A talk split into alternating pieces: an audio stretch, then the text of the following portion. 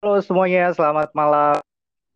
Kenalkan, ini podcast Bacotin Film nih. Podcast Bacotin Film tuh uh, ada sekerumpulan orang gitu yang terdiri uh, dari enam orang. Ada diri, gue juga sempat bikin podcast. Terus ada nih temen gue di sini Ucup. Ya itu Ucup tes suara tadi. Nah terus ada lagi nih teman gue juga cewek jauh Ucup nih. Halo, gue Iqmael. Iya, terus ada lagi nih teman gue namanya Arif. Saya dong Rip. Ya, hey, hey, halo, halo, halo, selamat malam. Nah, iya. Terus ada lagi dua lagi sebenarnya, tapi kebetulan uh, mereka berdua lagi berhalangan buat ikutan, jadi tapi kita kenalin aja satu namanya Nugi. Nugi tuh masih udah sering nongol juga di YouTube ada di mana-mana ada lah. Terus ada lagi temen gue lagi namanya Egi. Ntar adalah cari aja di uh, logo podcastnya itu dia ada di sebelah mana ya? Jadi yang Nugi di di tengah-tengah kayak ketua mafia gitu kan. Ya podcast kita tuh tentang ini jadi tentang uh, nge-review-review film gitu lah terus berbagi uh, informasi buat kalian-kalian yang suka nonton film kita mau berbagi informasi nih film apa aja yang sekiranya bisa ditonton di rumah gitu. Terus uh, dan kalian belum nonton juga gitu. Ya jadi kita bisa berbagi gitu. Ya mungkin dari Arif dulu nih. Uh, Arif lu punya uh, kan ini lagi karantina gini tuh biasanya orang-orang pada nonton film gitu kan Arif ya Nah, lu punya iya, rekomendasi ya, film apa nih Rip selama corona nih buat teman-teman di pendengar kita nih? Uh, Sebenarnya rekomendasinya bebas gitu ya, tapi gue mau mau ngasih soal ini sih film yang ada kaitannya gitu sama tema-tema karantina gitu maksudnya. Uh, satu nih ada gue pernah nonton film judulnya Burit tau nggak? B U R I E D. Apa tuh? Itu keluarnya tahun 2010 yang main uh, Ryan Reynolds yang jadi Deadpool. Oke, itu nyeritain apa, Rip? Hmm. Uh, jadi ini bener-bener uh, tema karantinanya dapat banget sih. Jadi tuh ceritanya si Ryan Reynolds tuh uh, namanya di sini Paul Conroy. Dia tuh orang Amerika tapi kerja di Irak. Oke. Okay. Nah, pas lagi pas lagi kerja gitu, uh, dia tuh diserang teroris, diculik lah ibaratnya. Diculik. Kalau nggak salah dia pingsan gitulah. Pas bangun dia cuman ada kayak di dalam kotak kayu dengan di, di, cuma dikasih handphone, terus glow stick, pisau, uh, center, sama korek api, sama pensil. Nah okay. di situ dia nggak tahu apa-apa, dia nggak tahu dia di mana.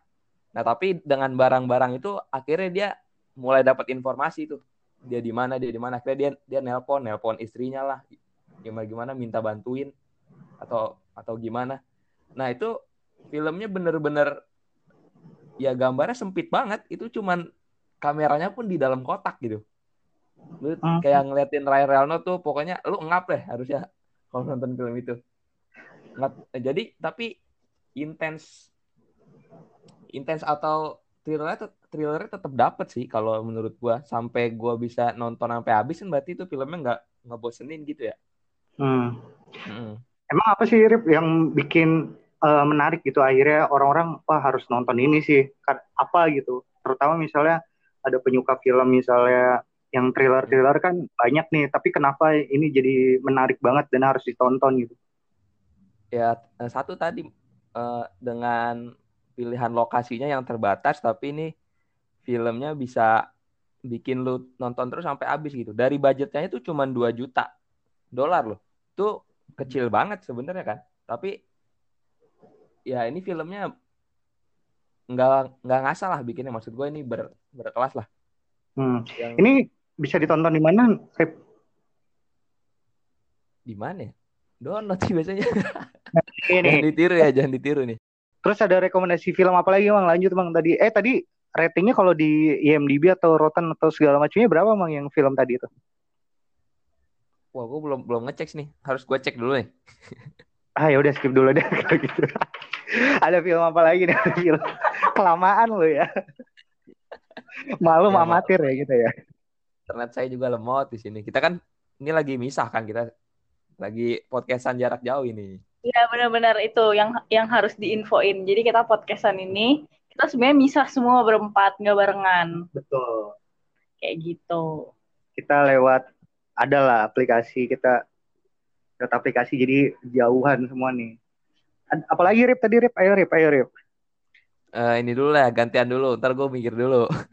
Di, soalnya di antara berenam tuh yang pakal film banget tuh si Arif ini jadi Enggak juga. Kita cuma senang nonton doang, bukan pakar juga sih. Oh. ya. Eh, lanjut ke mungkin ada teman-teman yang mau ini atau re- romance atau apa boleh nih masukan masukan lu Cup kata tadi nih tadi Ucup sebelum ini Rep bilang ke gua katanya gue udah nyiapin nih judul-judul film ada 12 beserta rating Wah, sama sutradara pemainnya woi pakar banget Gokil, gokil, gokil. Harus diceritakan itu. Eh, ya kalau gue sih karena ini udah situasinya corona corona ini capek banget ya ya mungkin butuh Hmm. hiburan lah film-film film-film yang seger gitu ada sih yang menurut gue seger sampai sekarang jadi favorit gue ya kalau film seger kan biasa identiknya sama film-film teenager ya film-film remaja Hmm. ada sih salah satu yang jadi favorit gue. Dia pemenang Grand Jury Prize di Sundance Festival tahun 2015. Judulnya Me and Earl and the Dying Girl. Sutradara Alfonso Gomez Rejon. Jadi kayak ini beda sih dibandingin sama film-film remaja lainnya kayak kalau film remaja kan biasanya identik sama cinta-cintaan antara siswa dengan siswi dan bla bla bla gitu. Ini kayak lebih beda aja dia. Tapi tetap ada sisi sisi romantisnya juga sih. Jadi kayak ya nyeritain tentang anak remaja SMA namanya Greg gitu kan. Terus dia eh, orangnya antisosial banget, nggak pernah berteman dan tidak pernah mengakui punya teman walaupun dia sebenarnya punya seorang sahabat. Jadi dia kayak memetakan grup-grup yang ada di sekolahnya gitu kan. Kayak kita kan biasa ada geng ini, geng itu, geng A. Dia nggak masuk grup mana pun, tapi dia bisa selamat karena dia nggak punya musuh. Nah, satu ketika dia berteman dengan anak dari mam, teman mamanya yang juga satu sekolah gitu, penderita leukemia. Terus ya udah, perjalanannya dimulai dari situ. Gimana dia bisa nemenin orang yang sebelumnya nggak berteman terus malah punya temen dan dia temennya malah sakit leukemia gitu. Dan ini nggak nggak menye-menye gini juga kayak film-film Indonesia pada umumnya gitu loh remaja yang kayak oh ada ini yang leukemia terus menye-menye sedih segala macam. Nggak juga ini kayak lebih lebih seger lah. Dan ada juga sosok di situ all gitu kan yang temennya yang dipanggil sama dia itu karena dia nggak mau berteman dia manggilnya tuh rekan kerja. Karena mereka punya apa ya punya kesamaan hobi sama-sama pengen punya hobi buat film klasik gitu. Pokoknya film ini itu diksinya narasinya dialognya itu seger unik eh, nggak kayak remaja-remaja pada umumnya nggak cinta-cintaan nggak cipok-cipokan nggak kenakalan remaja tawuran gitu kayak Dilan dan segala macem nggak. Dia lebih ke ke orang yang introvert gitu ya. Mungkin ya. Tapi tetap unik dan asik sih. Ya satu lagi sih dia pemenang Sundance Festival gitu. Karena film-film Sundance lumayan sih menurut gua. Dan bisa jadi rekomendasi lah kalau butuh yang seger-seger di tengah-tengah corona gini. Mungkin itu sih salah satu film gua. Dan kalau di Rotten lumayan sih 81 persen. Maaf ya, ratingnya 81 persen. Maaf ya kak ya. Jadi musik. Apa-apa. maaf tadi ada orang lewat di kosan gue. Ya itu deh. Me Earl and the Dying Girl 2015 Sundance Festival. Itu rekomendasi gue. Berapa berapa ratingnya ratingnya? Ratingnya di Rotten 81 persen. Biasanya kalau Rotten tuh udah 80 tuh udah rekomen banget lah ya. IMDb-nya berapa IMDb? IMDb gue nggak pernah ngeliat sih berapa udah nggak pernah jadi rujukan. Nah, itu, itu itu dari gue Nah itu tadi dari Ucup. Sebenarnya Ucup banyak rekomendasi film cuman kita tahan dulu dong. Kan Hmm. nggak mungkin seminggu langsung ngabisin 12 film kan? Nggak mungkin. Terus juga kalau hmm, tadi tentang rome eh, romance ya teenager Intinya, romance remaja. Nah itu ro- romance remaja. Jadi buat cewek-cewek di luar sana jangan jangan cuma nontonin drama Korea doang. Drama Korea juga bagus. Ini ada teman-teman kita juga nih penyuka drama Korea juga nih dia sampai update loh yang film apa tuh yang lagi rame tuh. Yang bikin emosi itu katanya apa? Aduh itu gue lupa lagi namanya. Crashing crash landing on you ya? Enggak, itu mah Oh, bukan. Itu yang nonton. ya nih kita mau dengerin sekarang mau dengerin dari perspektif cewek nih. Bu eh, ngerekomendasiin apa sih buat film yang bisa ditonton buat selama karantina atau WFH lah gitu ya coba Mel bagi-bagi lah informasi Sebenarnya tadi gue mau romance kan, tapi karena yang romance tadi udah diambil oleh saudara Yusuf, eh, nggak apa-apa sih gue kasih rekomend dikit. Jadi nggak gue akhir-akhir ini lagi sering ngulik-ngulik eh, Netflix gitu. Karena baru ini juga kan baru punya. eh gue kemarin baru aja mungkin ini udah beberapa orang udah banyak yang nonton sih. Kalau romance itu gue ngerekomendasiin To All the Boys I Loved Before. Itu di Rotten 97%. Itu dia ad, yang eh, apa namanya? episode 1 ada di 2018, episode 2-nya ada di 2020 baru keluar. Eh itu lebih ringan sih daripada yang Me Earl itu. Tapi ringannya ya ringan banget cerita teen lead banget gitu. Jadi ada cewek yang nulis surat ke lima orang eh, teman-teman eh lima orang cowok yang pernah dia sukain. Terus suratnya itu disimpan suatu ketika suratnya itu nyebar gitu ke cowok-cowok itu. Karena dia nulis alamatnya dengan lengkap. Ya udah terus ya ya udah ketahuan lah cowok-cowok itu ngebales suratnya lalu eh, terjadi konflik di situ dia bingung segala macam kayak gitu-gitu. Tapi ceritanya nggak seremeh itu juga gitu. Kayak ya bagus lah eh, alurnya untuk diikutin. Kalau misalnya kayak untuk santai gitu mau malam nggak mau film yang kayak keras banget gitu bisa gitu. Sama satu lagi di Netflix. Boleh kan nih gue dua film? Satu lagi gue lagi ngikutin Black Mirror itu series nggak series sih. Sebenarnya mungkin udah banyak orang yang nonton sih. Itu udah dari tahun 2011 soalnya. Uh, jadi itu satu episode langsung habis, tapi semua ceritanya itu tentang sama gitu temanya, tentang gimana teknologi itu makin berkembang dan digabungin sama manusia yang jahat ataupun enggak kayak gitu. Itu recommended sih menurut gue kayak uh, apa namanya? Ya nggak kebayang aja gitu bagi gue kayak kalau teknologi secanggih itu kayaknya manusia nggak akan siap kayak gitu sih. Terus uh, walaupun itu satu episode kayak cuma 40 menit, tapi gue tetap nggak pernah bisa nonton satu hari itu langsung dua episode gitu. Kayak nggak seringan itu sih. Kayak ya harus mikir gitu kayak aduh gila sih. Ya salah satu contohnya kayak ada episode yang dia bisa ngehidupin kembali uh, pacarnya yang udah meninggal, tapi pakai teknologi gitu. Itu kayak wah gila sih. Gitu sih kalau dari gue. Nggak ada drakor drakoran padahal Rip ya ampun sebelumnya tuh cerita sama gue katanya. Dia nonton The World of Married Couple ya? Eh The World oh, iya itulah. yang katanya bikin emosi Rip. Ya Allah itu lagi booming juga tuh di kalangan cewek-cewek bisa lah. Tapi uh, gue dikasih tahu email katanya kalau buat yang udah punya pacar kalau lu nggak mau marah-marah sama pacarnya jangan nonton itu gitu. Atau buat cowoknya minimal udahlah jangan nonton itu mending seperti giri yang melarang ceweknya untuk menonton Nonton. film itu. Bener, daripada moodnya turun. Katanya. jangan gitu.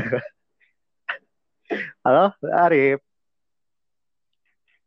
Eh ya kalau dari gue sih tadi udah lumayan bagus-bagus sih uh, tontonannya. Kalau dari gue mungkin ini, uh, oke okay, Netflix ya lagi rame Money Heist nih. Uh, gue sih saranin uh, buat yang belum nonton, mungkin nonton Money Heist gitu. Kenapa? Karena itu menurut gue bagus banget di film series itu untuk pertama kalinya lah kita tuh berempati sama yang namanya perampok gitu kalau menurut gue ya. Berempati sama yang namanya perampok karena di situ perampok tuh ibaratnya kayak udah kedesek-desek desek mulu tapi ada aja ide-ide cemerlangnya gitu. Dan itu wah ini gue juga sempat searching-searching nih. Ternyata film Mania itu dulunya sempat tayang di uh, eh, TV jadi serial TV di Spanyol tapi dia nggak laku gitu. Terus diambil karena nggak laku udah berapa tahun terus pemainnya juga nganggur gitu kan. Akhirnya diambil tuh sama Netflix. Diambil sama Netflix dipecah tuh. Tadinya ada berapa berapa episode 16 atau berapa episode terus dibikin dua season atau gimana terus dipecah sama Netflix. Jadi empat part bukan season makanya. Empat part. Empat part satu part itu berapa episode ya? Gue lupa deh. Tapi satu episodenya itu 12 nah eh 12 satu episode itu 40 sekitar 45 menit lah. 40 menit sama intro intro dan sebagainya lah gitu. Nah di film itu di itu uh, lu tuh nggak lu lu cobain dulu nonton satu satu episode pasti lu bakal ketagihan gitu. Karena lu bakalan dibikin penasaran penasaran mulu sama geng profesor CS ini nih. Profesor profesor itu yang pimpinan tukang rampoknya lah gitu. Ya itu kalau rekomendasi gue seriesnya itu sih. Terus tapi kalau untuk filmnya gitu, filmnya sebenarnya gue ngerekomendasiin yang itu loh, yang katanya tadi nyebut-nyebut tentang karantina. Oke lah, gue mau rekomendasiin tentang ini film Vivarium. Vivarium itu harusnya tayang di bioskop itu tahun ini ya. Cuman karena benar-benar karena corona corona ini jadi nggak bisa tayang mau nggak mau ya ya gitulah harus nyari-nyari celah untuk nonton. Nah iya Vivarium tuh harusnya tayang di Indonesia ya. Di Indonesia itu oh. tahun ini. Oh, tapi kan tapi di luar nonton ya? Harusnya. Tapi di luar negeri itu udah dua, dari 2019 udah udah oh, okay. udah tayang gitu. Jadi makanya kita bisa nonton. Nah itu bisa bisa lu tonton tadi di website-website yang tadi tuh yang kita sebut-sebutin hmm. itu. Ya kan, biar ya mau gimana ya di Netflix belum ada gitu di iFlix atau Hook juga belum ada jadi terpaksa lah gitu. Vivarium soal Bukan apa nih bang ceritain dong bang ceritanya ya. Eh enggak dulu uh, eh, gue mau cerita. Itu yang mainnya Vivarium itu si Imogen Potts yang main eh si ceweknya itu Imogen Potts gitu yang main itu yang main film apa ya? Gue juga lupa lagi. Oh yang main film ini film sampah juga sih Net for Speed itu tau gak sih lo? Wah, gue nggak nonton sih itu. Dia itu lah yang main film sampah Need for uh, Need for Speed itu. Nah dia itu ceweknya. Nah yang kalau cowoknya itu si Jesse Eisenberg gitu. Dia tuh wah pasti lu lu semua yang suka nonton film pasti pada tahu lah yeah, yang yeah. terakhir itu filmnya itu Zombieland yang double tap kan. Iya yeah, iya. Yeah, kalau nggak salah. Atau yang mungkin yang populer yang No You See Me sama Facebook Facebook. Nah, eh, Facebook uh, bukan iya, Facebook yang judulnya apa namanya? Social network yang ya? dia jadi yang dia jadi Bill Gates ya? Bukan Bill Gates, jadi Mark Zuckerberg social network. Oh, salah ya? Iya udah. Beginilah kalau namanya juga amatir. ya lanjut, Bang. Iya, jadi filmnya tuh sebenarnya nyeritain tentang kayak uh, ada sepasang kekasih bukan suami istri. Ibaratnya terjebak di suatu kayak komplek perumahan gitu awalnya sih nggak ada yang aneh gitu sama komplek perumahan. Cuman ada kayak sales perumahan nawarin nih lo cobain ya ini. Tapi yang bikin aneh awalnya tuh sebenarnya udah disediain baju gitu di tempat tidur ya yang biru sama yang warna apa ya? Pink, pink. warna pink lah. Terus udah disediain gitu kayak uh, kamar anak gitu. Ya mungkin tahu lah ya kenapa kalau udah terisolasi mau ngapain lagi sih gitu kalau bukan ya gitulah. Jadi dia terjebak. Awalnya sih masih enjoy dia. Masih enjoy masih enjoy buat nikmatin. Karena terpaksa juga dia nggak bisa keluar kan ya. Terjebaknya itu karena perumahannya itu tuh labirin gitu loh. Kayak bentuknya labirin. Jadi dia udah muter-muter berjam-jam sampai tengah malam tuh nggak nemuin jalan keluar. Sampai bensinnya habis ya kan? Keluar uh, terus dia terjebak. Nah di situ tuh mulai ada konflik-konfliknya lah. Nah tapi karena tapi lu non uh, lu nonton dulu nonton dulu dan ntar kita bakal nyediain sesi khusus buat review film ini kalau lu semua udah pada nonton gitu. Tapi ini tapi ini nggak bakalan mengecewakan kok. Menurut gue sih, menurut gue nggak akan mengecewakan. Uh, karena di Rotten ya emang si Rotten Rottennya itu hmm, berapa ya? Cuman 70% gitu. Kalau Metacritic itu 60 64% lah. Tapi oke okay lah ini film ini buat jadi tontonan Nah, kalau untuk film Indonesia ya gue mungkin kalau yang ada doyan percintaan, gue ada rekomendasi sih yang mungkin yang bukan Dilan ya, bukan Dilan. Dilan mah favorit jauh Ucup sama email. Bangsat. Bukan juga ini, bukan juga filmnya Joko Anwar itu mah favorit lu.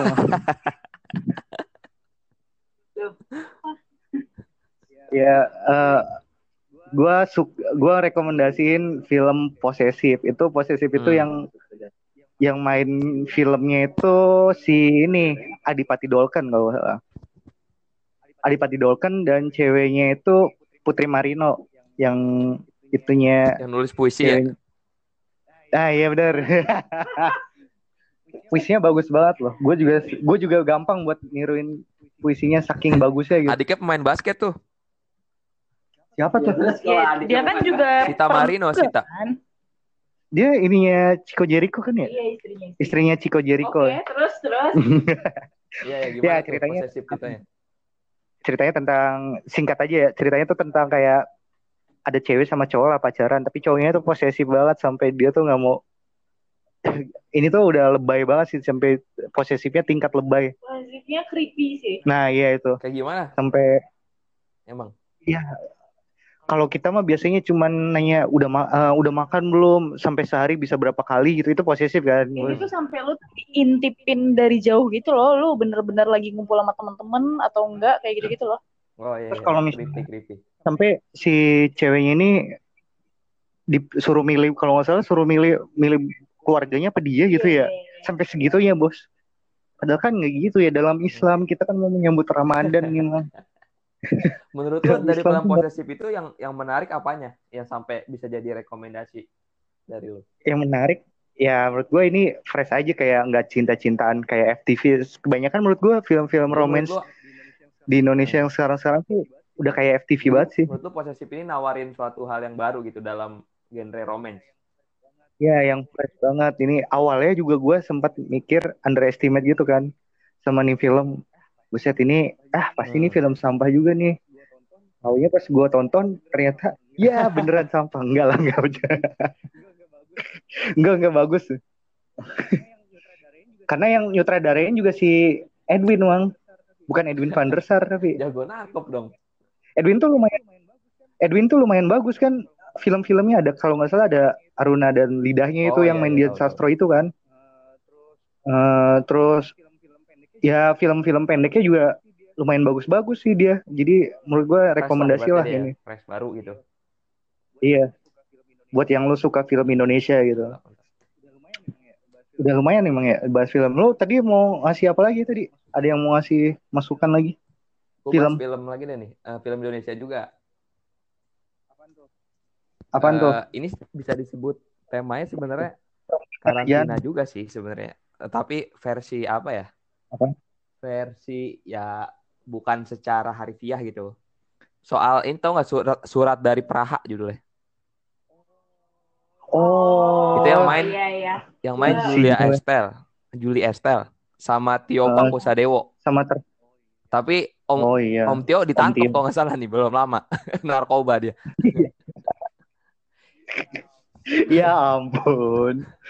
Mal kita baru pertama ini mang jangan nyinggol-nyinggol. Siap, siap. Itu surat dari Praha itu bikinan Visinema. Visinema tuh yang yang punyanya si Angga Dwi Masa Songko. Yang bikin NKCTHI. Oh, iya, iya. Oke. Okay. Uh, iya, iya, iya. Ini apanya surat cinta untuk Starla? beda, beda, beda. Uh, film film-filmnya Visinema oh, kalau lu lihat pasti temanya ada ada tentang tentang apa ya? Ibaratnya kejahatan hmm. politik pasti di dalam dalam filmnya itu walaupun nggak jadi tema utama nah kalau ya diselipin yeah, diselipin ya. nah kalau di surat dari Praha ini bener-bener kayak ngasih tahu ya tegas ini bahwa tentang korban 1965, tapi bukan soal yang G30 SPKI-nya. Jadi ada uh, anak muda kuliah nih kan pas zaman Pak Soekarno tuh itu anak-anak muda Indonesia bisa kuliah ke luar negeri tapi kebanyakan tuh dititipin di uh, kampus-kampus negara-negara sosialis lah. Kayak kayak Jerman. uh, Rus Rusia nah, gitu. nah kalau ini di di Cekoslovakia kan. Nah Tio Pakusadewo tuh meranin sosok itu. Nah, karena ada konflik 1965, jadi itu mereka nggak bisa pulang dan nggak punya keluarga negaraan lagi. Nah, ini diceritain Tio Pakusadewo-nya nih udah di tahap dia udah tua. Dia udah ngerelain dan udah akhirnya tinggal di Czechoslovakia. Walaupun punya ijazah tinggi, dia tapi nggak bisa jadi dapat jabatan yang bagus gitu kerja. Soalnya dia nggak punya keluarga negaraan kan.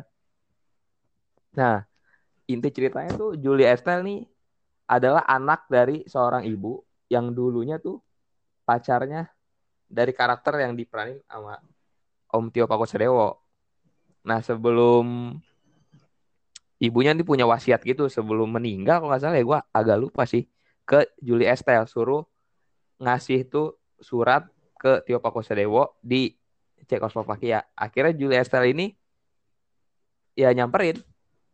Nah nyamperin pokoknya nah, di situ ada konflik lah kalau gue ceritain semua jadinya spoiler kan ya nah iya, ada iya, konflik iya. di situ ada konflik tapi kayak ngasih tahu dari sudut, dua sudut pandang tentang dari Om Tio tentang dari bahwa Julie Estelle pun uh, di sini karakternya punya latar belakang yang yang rumit juga gitu dia punya masalah juga gitu intinya nah yang gue suka dari film ini uh, film ini pertama emang beneran syuting di Cekoslovakia kalau nggak salah.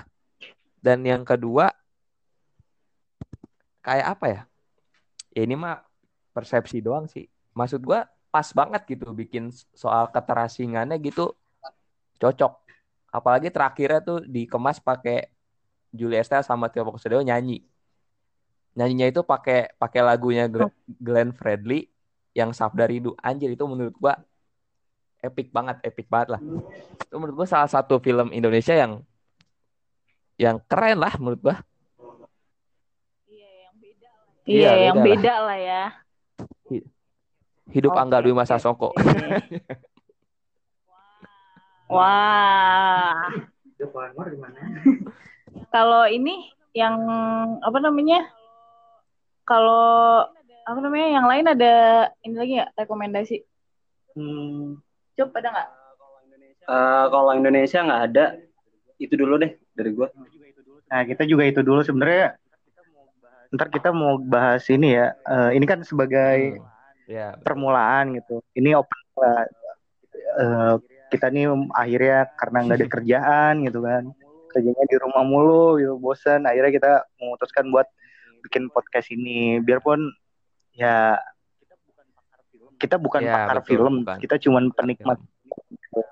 Ini, nah kalau kalian nggak suka, ya nggak apa-apa. Intinya gitu. ini mah kayak sharing aja ya. Ibaratnya kita ada di warkop nih, lagi sharing aja, tapi temanya kita fokusin soal film doang gitu. Nah betul.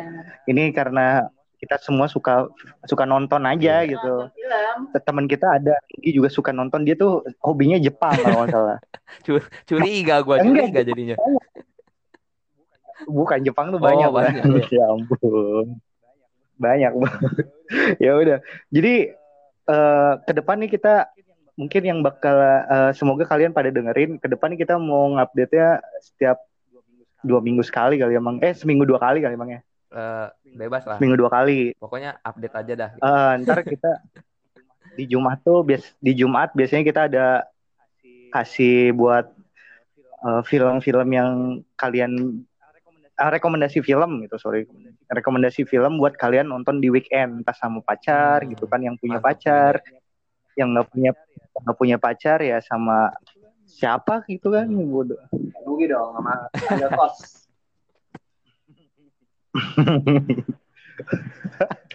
yang mana ya ya udah ntar kita juga ada Instagram ya, ya ada. Instagramnya tuh kalau uh, follow aja di uh, bacotin film ya Ntar kita ada update-update juga di sana film. Selain jadi selain update di podcast, kita juga ada update di sana film-film yang eh mau kita bahas atau ntar kita mungkin minta masukan ke para Oh iya netizeners bisa bisa. gitu. Buat apa yang mau Buat dibahas gitu ya. Film apa yang mau Mantap. Yoi, benar. Mungkin sekian Ya, dulu mungkin kali emang ya. dulu lah. Soalnya nggak ada Egi sama Nugi juga kan. Ntar dia ini lagi ngambek deh. Yaudah, mungkin cukup sekian dulu ya. Jangan lupa juga eh, tetap jaga jarak nih biar coronanya beres. Terus kita bisa nonton kembali ke bioskop, nggak nonton di bajakan mulu. Terutama, tapi kalau udah nonton di, bio- eh, di bioskop, nontonnya film barat ya. Nggak dong film Indonesia maksudnya. Film Indonesia biar kita support film-film Mantap. Indonesia tapi yang bagus. Ya udah. Oke, sekian dulu Siap. ya. Assalamualaikum semuanya.